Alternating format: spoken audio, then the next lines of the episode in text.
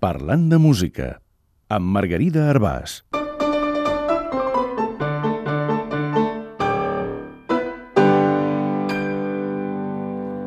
L'orquestra del teatre. Quan sentim la paraula orquestra, segurament el primer que ens ve al cap és el conjunt d'intèrprets que toquen en un concert. L'orquestra pot estar formada per un centenar de músics si és una sinfònica, o per bastants menys si és una orquestra de cambra. La paraula orquestra ve del llatí, que l'agafa del grec antic orchestra, derivada del verb orgeisthai, que vol dir ballar. Als teatres grecs, el públic s'asseia en una graderia en forma de ventall obert.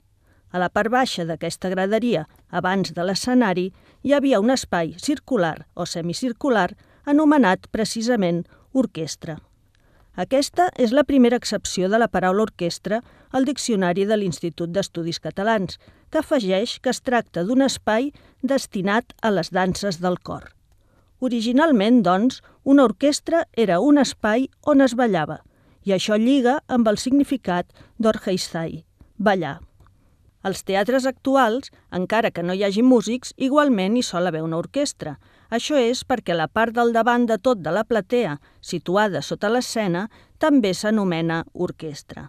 O sigui, que la paraula orquestra designa tant els músics que toquen en un teatre com l'espai enfonsat on se solen situar, per exemple, en una òpera. El fet que la mateixa paraula designi tant el grup de músics com l'espai on toquen podria crear confusió. Per això, en alguns casos, per parlar d'aquest espai, pot ser més clar i, per tant, més adequat dir-ne fossa de l'orquestra o fossat. A part d'aquesta possible ambigüitat de la paraula orquestra, hi ha un motiu, diguem-ne, de fons per anomenar fossa o fossat l'espai on toquen els músics, que està enfonsat.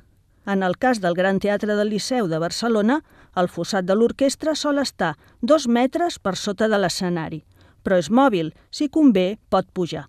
En realitat, forma part d'un fossat enorme, de 100 metres de fundària i amb la increïble xifra d'11 plantes mòbils. Això sí que és un fossat ben fondo.